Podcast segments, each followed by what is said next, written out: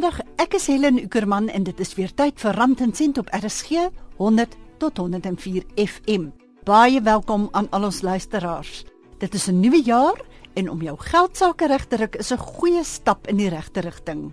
By my in die ateljee is advokaat Ronald King, hoof ondersteuningsdienste van PSG Welvaart en hy gaan vir ons meer vertel oor hoe ons ons geld sake beter kan bestuur in 2015. Baie welkom aan jou hier in die ateljee Ronald. Hoe moet ons 2015 in die breë benader met ons geld sake? Helen is baie baie belangrik dat ons hierdie jaar met die regte beplanning moet begin.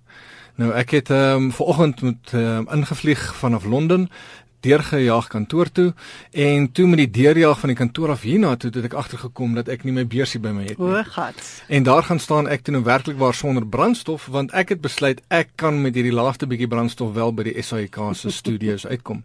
Ek moes toe nou vir 'n wild vreemde man van Flora Motors vra of hy nie vir my 'n 100 rand se brandstof sal ingooi nie. Nou um, dit het gebeur omdat ek nie reg beplan het vandag nie. En um, as my 2015 so gaan deurloop, dan kan ons nou sommer weer daar gaan baie moeilikheid wees. En ek dink dis wat ons luisteraars ook baie baie mooi moet verstaan.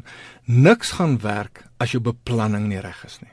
As jy nou praat van beplanning, wat bedoel jy? Wel, die groot probleem met die meeste mense is dat dis nie jou inkomste wat so seer 'n probleem is nie, is jou uitgawes. En uitgawes raak 'n probleem omdat ons nie vir hulle regtig beplan het nie. Ons sit in 'n situasie waar ons net uitgee op die um, ingewing van die oomblik en dan aan die einde van die maand kom ons agter maar ons het nou op 'n klomp goed uitgegee en die goed wat nog uitgegee moet word wat werklik waar noodsaaklik is, dit het ons nie aan aandag gegee nie. So dit raak verskriklik belangrik dat ons 'n begroting bou van die begin af. Ons gaan 'n bietjie later oor die begroting praat, nê? Watter spesifieke dinge dink jy moet ons na kyk? Wel, dit is baie belangrik dat jy gaan kyk na ehm um, jou korttermynbehoeftes, jou mediumtermynbehoeftes en jou langtermynbehoeftes. En jou korttermynbehoeftes is dalk jou kinders se universiteit wat ehm um, of jou kinders se hoërskool wat dalk oor 'n jaar of oor 5 jaar kan wees. My seun is nou tweede jaar medies by Tikkies wat natuurlik glad nie goedkoop is nie. Ehm um, maar daarna na is daar ook jou aftreebeplanning. Daar's dalk die vervanging van 'n motorvoertuig wat moet plaasvind. So jy moet gaan beplan vandag, nie net vir wat jy vir die volgende maand maand wil doen nie, maar wat jy vir die volgende 20, 30, 40 jaar wil doen. By jou is dit nou korttermynbeplanning om voorsiening te maak vir jou seun se studies. Maar as jy nou net 'n babatjie gehad het, dan word dit natuurlik langtermynbeplanning, né? Nee. Dis korrek. Ja, ek het ook nog so oorstoot drietjie daar in beseringstyd, 'n 5-jarige daar by die huis. Ehm um, hulle sê vir my is eintlik 'n volle agterlynbeweging geweest. Maar ehm um, die enetjie gaan ons nog lank voor moet spaar om uh om te ek gaan seker al in die ouer huis wees voordat sy universiteit toe gaan. Ehm um, so ja, ehm um, dit gaan afhang van jou persoonlike omstandighede. Ja. Dit kan 'n uh, medium termyn beplanning wees. Medium termyn is so 7 jaar beplanning, langtermyn is so 15 jaar en plus. Korttermyn is enigiets binne die volgende 5 jaar. Ja. Ja. En daarbey kan jy natuurlik dinge soos vakansies insluit of huisverbeterings of Definitief. Sê my Ronald, wat van skuld? Moet ons alles afbetaal so gou as moontlik? Helen, jy kry goeie skuld en jy kry slegte skuld. Ek is 'n voorstander van goeie skuld. Ek glo dat jy gaan baie vinniger bates bou as jy die regte skuld aangaan. Nou wat is goeie skuld? Goeie skuld is skuld wat jy aangaan om groeibates mee te koop. As jy skuld aangaan op jou kredietkaart om jou lopende uitgawes te dek, om jou kos vir die maand te koop of om jou drankgeldjie te koop of om jou DStv te betaal, um, dan is dit slegte skuld, want jy's besig om jou uitgawes wat jy bedoel is om uit jou salaris uit te kan dek um met skuld aan te gaan. Maar as jy byvoorbeeld geld leen en selfs 'n belegging daarmee maak en nou praat ek van sê jou huis koop, um 'n motor is so tussenin. 'n Motor is 'n tweede motor mag dalk maklik slegte skuld wees. Maar 'n motor hedendaags is nodig om jou inkomste te genereer. As dit nie daarvoor was nie, was 'n motor ook slegte skuld want die bates aan die einde van die termyn baie baie minder werd. So jou slegte skuld, jou kredietkaarte, jou ehm um, winkelrekeninge, jou klere rekeninge, daai is alles slegte skuld. En daai moet jy so vinnig as moontlik afbetaal. Dis onnodige skuld. Want ek meen as jy elke maand daai paaiement kan afbetaal, dan kan jy mos dan maar net sowel elke maand 'n soortgelyke bedrag spaar en dan kontant koop. 100% reg. Jy weet dit kom weer terug na daai beginsel van ehm um, moenie koop wat jy wil hê nie, koop wat jy moet hê. En dit is baie baie belangrik. Hmm. Ons hier in Suid-Afrika gee op goed uit wat ons ook nie nodig het om op uit te gee nie. Ons sit in 'n situasie waar ek sien gereeld in die oggende hoeveel mense by die volstasie stop en net gou vir hom 'n cappuccino koop. Daardie geld is nie iets wat jy nodig gehad het nie. Dit is lekker, gaan nie daarmee strei nie, maar as jy daardie onnodige uitgawes hierdie jaar onder die knie kan kry, dan gaan jy agterkom dat 2015 'n baie makliker jaar gaan wees. Want ek dink 2015 gaan 'n bietjie 'n swaar een wees. Ons gaan nou nou ook daaroor praat. Met ander woorde, as jy sê dit wat jy wil hê teenoor dit wat jy moet hê, dit sluit nou heeltemal uit soos ek moet daai rok hê of ek moet daai cappuccino kry. ja, sommige mense se wille en hulle moete raak nogal so bietjie moeilik. Dit is 'n moeilike ene. Ek sê altyd vir my kinders as jy ehm um, iets moet hê, dan kan jy hom oor 'n week gaan koop. As jy dan nog steeds so sterk voel, dan dan is dit dalk 'n moet. Maar as jy hom wil hê, dan jy alweer vergeet van hom en dan sal weer 'n volgende wil wat volgende week ehm um, sy plek gevul het. Jy sien ek glo ook sterk daaraan as jy as jy voel jy moet hierdie ding nou koop. Gee jouself ten minste 'n paar dae net om oor te dink van daardie spesifieke ding wat jy wil koop, gaan nie weghardloop nie. En dit in baie kere as jy jouself bietjie kans gee, dan dink jy, wie jy wil ek regtig die geld daarop uitgee. Wie Helen ons is so onderdruk um, met advertensies. Ons word die heeltyd toegegooi oor as jy dit het, as jy hierdie nuwe selfoon het, as jy hierdie ding doen, as jy hierdie koeldrank drink, dan gaan die die meisies van jou hou. Al daai goed. So, ons word die heeltyd vertel dat hierdie ding is nie net 'n lekker ding nie, jy moet hom hê.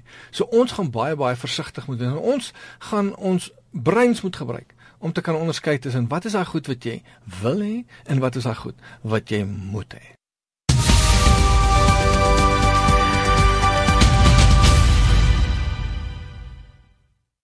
By Rand en Sent saam met my Helen Ukerman. Baie dankie vir die saamluister vanmiddag. As jy enige kommentaar het, laat weet my via ons SMS-lyn by 3343 of stuur 'n e-pos na helen.ueck@gmail.com.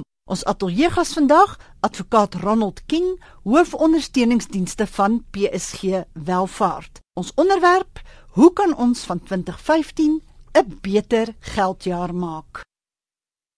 Ons praat nou oor skuld. Wat dink jy is belangriker, skuld afbetaal of spaar? Wel, ek is een van daardie wat eintlik geld geleen het om te gaan spaar. As jy die skuld kan finansier, dan is dit nie so groot probleem nie. As jy sê as jy die skuld kan finansier, as jy 50000 rand gaan leen en jy gaan koop aandele daarmee. En jy kan elke jaar die betaling op daai 50000 rand maak sonder dat dit jou onder druk sit dan is dit 'n baie goeie belegging want jy gaan oor 'n langer termyn meer groei op die aandele kry as wat jy op skuld het. Maar dit beteken ons moet baie baie meer selfgedissiplineerd wees. As jy wil veilig speel, betaal jou skuld af. As jy jouself nie kan vertrou om gedissiplineerd te wees, jy betaal jou skuld af. En dan ook wat baie belangrik is, as daar baie onsekerheid is in jou werk.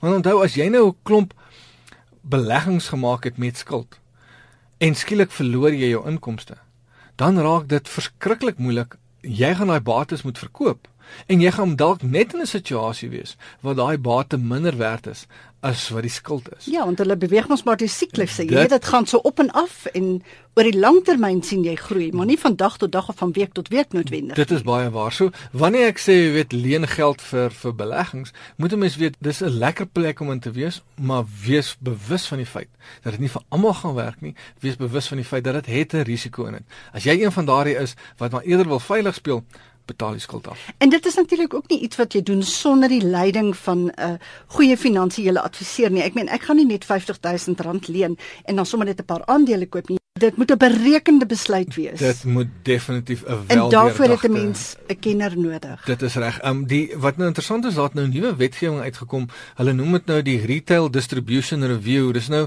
um die hersiening van die kostes wat finansiële beplanners vir kliënte vra en dit het nou uitgekom hierso in in in November van die regering af.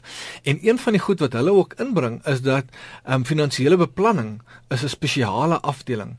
En waarna ons op hierdie stadium kyk is dat jy gaan na 'n gesertifiseerde finansiële beplanner, 'n CFP, moet gaan kyk. So voordat jy so iets wil doen, gaan gesels dalk met 'n CFP en hy sal gaan kan sê vir jou, is jou risikoprofiel, is jou finansiering, is jou likwiditeit van so um, omstandighede dat jy dit kan doen. Nou CFP staan natuurlik vir Certified Financial Planner, Dit né? is Vir 'n gesertifiseerde finansiële beplanner. Waar kry mense hulle? Wel die FPI die Finansiële Beplanningsinstituut van Suid-Afrika, die Financial Planning Institute is waar die FPI vandaan kom, is die beskermheer en die die um, liggaam wat seker maak dat al hierdie ouens van topkwaliteit is. So die maklikste plek is om te gaan kyk na by um, www.fpi.co.za en daar sal jy 'n lys kan kry van die naaste finansiële beplanner wat CFP gesertifiseer is in jou omgewing. Baie mense sê hulle verdien te min om te kan spaar. Selfs enkel lopendes het al gesê vir my dat hulle kry dit nie reg om te spaar nie. Ek meen hulle het nie eers soos ek en jy huis vol kinders wat jy weet die nuutste tekkies wil hê en drie keer 'n dag wil eet en so aan nie. Hoe kan 'n mens spaar? Interessant dit sal ons het 'n onderwyser by ons um, by een van ons takke in um, by Pretoria Oos by PSG. Ehm um, wat nou 'n afgetrede oom is net so oor die 80. Hy was 'n onderwyser gewees. Sy aandeleportefeulje by ons is nou oor die 100 miljoen rand. Hy het dit reg gekry uit 'n onderwyser salaris uit. Hy het dit reg gekry met sy gesin, met al sy ander uitgawes, want hy het 'n baie baie belangrike ding gedoen van dag 1 af. Hy het eers gespaar en die res het hy uitgegee. Hy het nie eers uitgegee en die res gespaar nie. Wat jy nou sê is aan die begin van die maand as jou salaris of as jou inkomste in jou bankrekening land, dan moet jy klaar weet ek gaan 10 of 15% spaar. Jy gaan nie net aan en dan op die dag voor jy weer betaal word dan kyk jy wel hier is nou nog so R3 in my rekening dis dat dis nie as jy moet werk nie en dan gaan jy maar weer aan nie. Dis Jy- presies wat ja, gebeur en dis presies wat jy nie moet doen nie. Dit is heeltemal reg. Helen, weet jy wat is baie belangrik? Jy noem nou 10 tot 15%. As jy 20 is wanneer jy begin spaar, gaan jy genoeg kan spaar vir aftrede met so 12.5 na 15%. As jy 10 jaar later wag, dan raak dit 27.5%.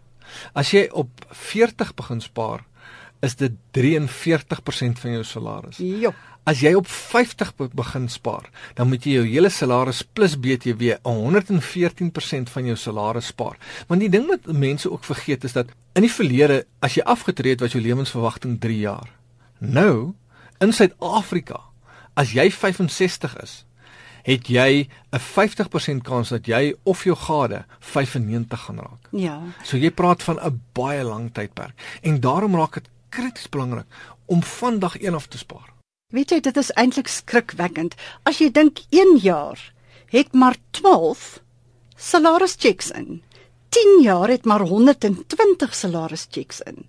En van al daai checks moet jy 'n bietjie wegsit. So as jy 50 is en jy wil op 60 aftree en jy het nog niks gedoen nie, dan jy net 120 betaaldatums oor om dit reg te kry. Dit is skrikwekkend, is dit nie? En dit is en en en, en ek meen as jy op as jy gaan kyk, jy werk van 25 na 60 toe, 35 jaar. En dan moet jy daarna nog 40 Vyf- jaar aanhang. 40 na 35 jaar. So jy het eintlik langer wat jy nou gaan moet lewe van die geld wat jy gespaar het. So as jy net 10% gespaar het, dit gaan nie skielik vir jou vir 35, 40 jaar kan beplan nie. So hierdie is 'n ding wat 'n mens ernstig moet opneem. En Februarie is 'n maand te laat. Maart is 2 maande te laat. Ja. Hierdie maand is die maand wat jy moet begin.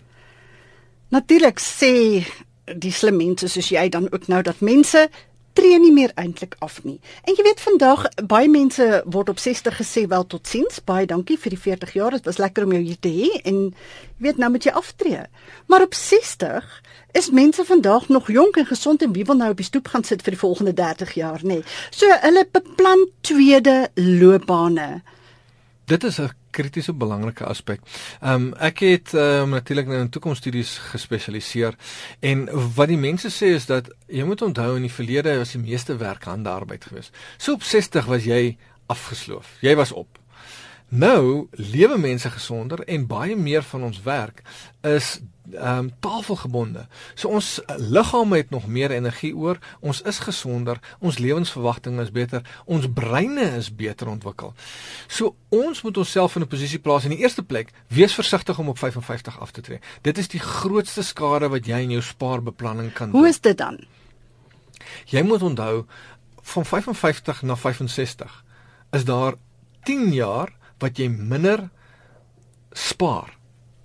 En in daai tyd sou jou geld saam met jou spaargeld verdriedubbel het.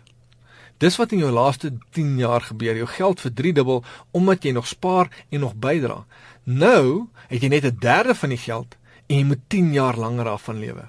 So so amper 'n dubbele negatief wat plaasvind op hierdie belegging deur 10 jaar vroeër af te tree. Nou wat gebeur is op 55 dan is ons nou moeg vir die baas, ons is moeg vir almal wat ons rondorder en in ons besluit luister jy nee, ons gaan nou aftree. Moenie. Volgende baie belangrike ding en jy het dit genoem Helen is maak seker dat jy die vermoë het om 'n alternatiewe beroep te volg na aftrede. Baie van die alternatiewe beroepe wat afgetredenes gaan volg in die toekoms is nog nie vandag eers geskep nie. Want ons moet besef daar gaan al hoe meer ou mense daar buitekant wees. Mense wat 70 is, mense wat 80 is, mense wat 90 is. Nou in Londen het ek 'n man ontmoet. Sy werk is om inkopies te gaan doen. Hy gaan doen inkopies vir mense wat nie meer winkels toe kan gaan nie. En dis 'n geleentheid Ons moet begin kyk na hierdie dienste wat gelewer gaan word aan mense wat 80, 90 is en so aan. Ons moet begin kyk na hoe gaan ons um, vir onsself spesialiseer houtwerk, staalwerk te kan doen. Ons gaan moet seker maak dat ons alternatiewe inkomste bronne het, want om op 'n 10, 15% soos ons net nou gewys het, gaan baie moeilik wees om daarop te kan aftree. En ook nie net handwerkende dinge nie. Ek meen ons wat lewenslank by lesenaars gewerk het, het ook ander talente. So skryf of rekeningkunde, boekhouding. Daar is allerlei talente of vaardighede wat ons oor die jare aangeleer het wat mens later in 'n eie klein besigheid van jou eetkamertafel selfs kan bedryf om vir jou nie net besig te hou nie, maar ook 'n ekstra inkomste te skep.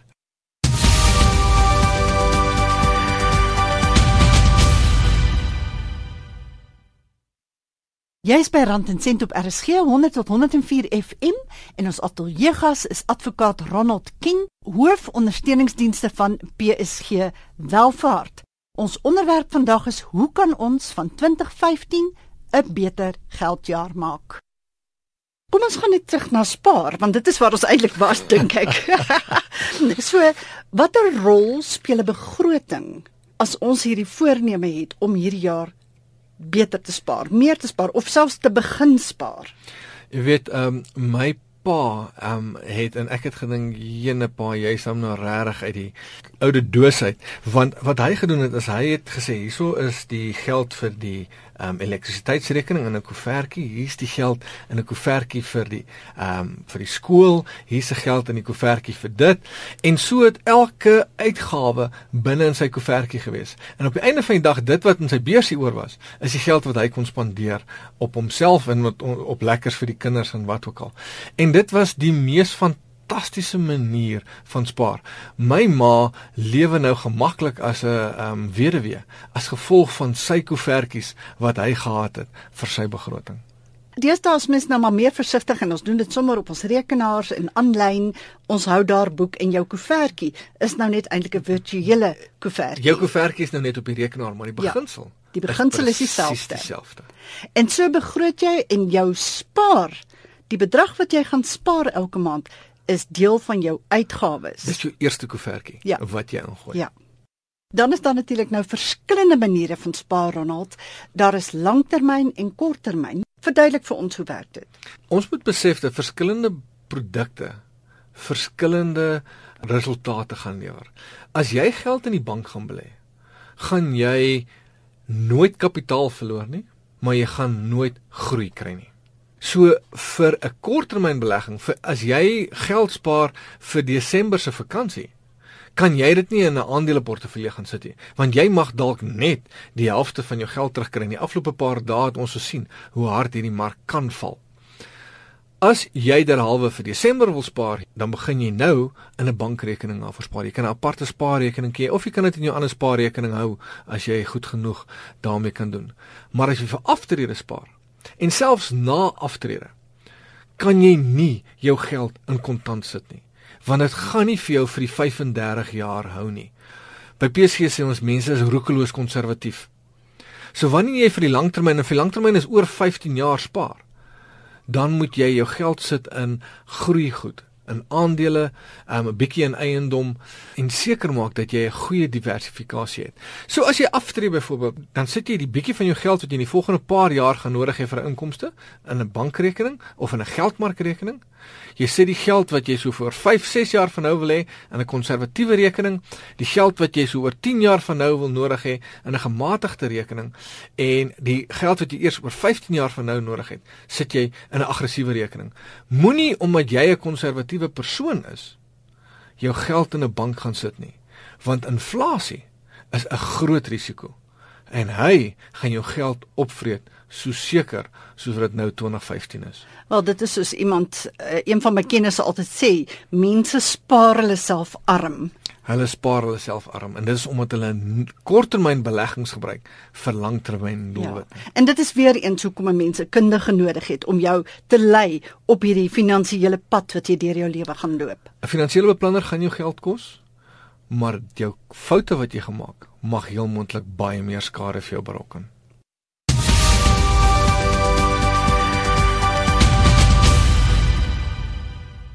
Jy luister na jou gunstelingstasie RSG in die program is Rand en Sent saam met my Helen Ukerman. Ons ateljeegas is advokaat Ronald King, hoof ondersteuningsdienste van PSG Welvaart. Ons onderwerp vandag: Hoe kan ons van 2015 'n beter geldjaar maak? Dan nog 'n ding wat ek dink is belangrik, nie net vir hierdie jaar nie, maar elke jaar, is dat mens weer kyk na jou versekerings, langtermyn en korttermyn, jou mediese fonds, jou testament en dit alles hersien. Waarom dink jy is dit so belangrik? Wel, baie van die produkte raak goedkoper met tyd, maar ook jou produkte of dit wat jy wil verseker, raak 'n bietjie goedkoper. Jou eiendom raak goedkoper of jou eiendom raak duurder, jou motor raak goedkoper en jy moet net seker maak dat jy jou versekeringsbedrag aanpas. Ehm um, weer eens as jy 'n motor in 1960 gekoop het, dan was dit 'n goeie motor, maar nou in 2015 is dit nie meer die beste motor om te hê nie. En dis dieselfde met versekerings. So die feit dat jy daai polis uitgeneem het in 1960 beteken nie dis 'n swak polis gewees nie. Maar in 2015 het jy verander, jou bates het verander, jou behoeftes het verander. En daarom is dit nodig dat jy elke jaar net seker maak dat jou versekerings nog relevant is vir jou persoonlike behoeftes. En dieselfde gaan natuurlik vir jou mediese fonds en jou testament, want Definitief. mense trou, mense skei, mense kry kinders, mense staan kinders aan die dood af. Ja, en mense raak ouer en jou mense raak ouer, jou, jou behoeftes verander. Ja. Mediese behoeftes raak baie baie meer. Ja. So dit is baie baie belangrik dat mense daardie dinge elke jaar sien, want anders kan jy groot skade ly. Definitief. Ehm um, ek wil tog vir die mense sê ehm um, dat een van die ander kopseure wat ons baie keer ervaar is dat wanneer mense ehm um, swaar kry, veral nou na die groot uitgee van Kersfees, dan is die ding wat hulle nie betaal nie, hulle korttermynversekering.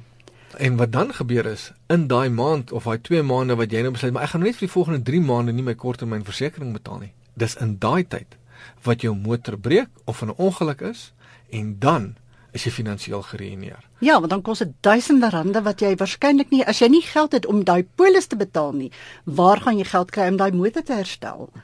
Jy weet, as jy nie geld het nie, kan jy nie risiko neem nie. En as jy nie risiko kan neem nie, moet jy jou korttermynversekering en jou mediese fonds, want dit werk eintlik amper dieselfde op datum. Hulle werk hand in hand. Want as jy 'n ongeluk is, het jy die kar skade en jy het waarskynlik 'n bietjie skade opgedoen. Nee, definitief met my motorfietsongeluk in Junie wat ek uh, my vrou se motorfiets gelukkig nie myne afgeskryf het nie, was my mediese uitgawes baie meer gewees as die skade aan die motorfiets. Ja, ja, ja. Jy sê hierdie jaar gaan 'n moeilike jaar wees. Waarvan praat jy? Wel, ons sit met 'n uh, 25,4% ehm um, werkloosheid in hierdie land. 37% as jy almal insit wat nou al opgegee het met met ehm um, werk soek. Ons sit met 'n uh, lopende betalingsbalans wat verskriklik sleg lyk. Ons sit met ons myne wat swaar kry. Ons voorsien dat die ekonomie in Suid-Afrika baie swaar gaan trek en dat mense oor see moontlik ook hierdie jaar van hulle geld gaan begin trek want die rand mag heel moontlik hierdie jaar ook verswak. Hulle beleggings in Suid-Afrika. Hulle beleggings in Suid-Afrika gaan trek. Maar as ons nou hierdie maar jaar ingaan sonder dat ons die regte strategieë in plek het, mag dit vir ons 'n baie baie swak en seer jaar word. Maar jy praat nou van beleggers. Ek praat van die ekonomie as as as geheel. So jou besigheids um, man se inkomste in sy winkel gaan dalk 'n bietjie minder wees. Jy gaan vind dat alhoewel brandstof op hierdie stadium sy laagtepunt gaan bereik in die volgende 2-3 maande en waar dit nou werklik waar weer goedkoop gaan wees om brandstof te begin gaan betaal, het mense so baie skuld dat ons nie gaan sien dat dit gaan omskep word in omset by besighede nie. So besighede gaan swaar kry, hulle gaan nie geld hê om te belê nie. Ons voorsien nie dat daar groot werkskepping gaan wees hierdie jaar nie. Maar dink julle daar gaan werksverliese wees? Want ek wonder nou, hoe gaan 'n moeilike jaar die gewone man, die gewone werker, die gewone salaristrekker, hoe gaan dit hulle raak? Wel, moenie groot salarisverhogings hierdie jaar verwag hê. Die jou maatskappye gaan nie die wins te maak wat hulle in die vorige jare gemaak het nie. En as mense nou massiewe hoë salarisverwagtinge gaan wil hê, dan gaan ons weer 'n vakbond hê wat um, natuurlik op staking gaan en die enigste manier wat die werkgewer daardie salarisse gaan kan gee, die verhoogde salarisse, is deur mense van ontslae te raak. So as ons hierdie jaar weer stakings het, waarborg ek dat ons gaan groot werksverliese hê in veral die mynboubedryf. Waar kan mense jou kontak? Wel, ek is by PSG. Ehm um, my telefoonnommer is Johannesburg 011 996 5200 996 5200 maar ek het maar baie min um, op my selfoon beskikbaar so as enigiemand 'n navraag het kan hulle vir my rig per e-pos ronald.king by psg.co ronald.za. Dit is ronald.king by psg.co.za. Ronald, baie dankie, was lekker om met jou te gesels. Groot plesier. Baie dankie en mag dit vir jou 'n fantastiese 2015 wees en mag die luisteraars hierdie jaar ook 'n ongelooflike heerlike jaar hê. Ons gas vanmiddag was advokaat Ronald King, hoof ondersteuningsdienste van PSG Welvaart. Rand en sent is volgende Sondag terug met meer praktiese raad oor jou persoonlike finansies. Dit is Helen Ukerman wat groet. Geniet die res van die Sondagmiddag.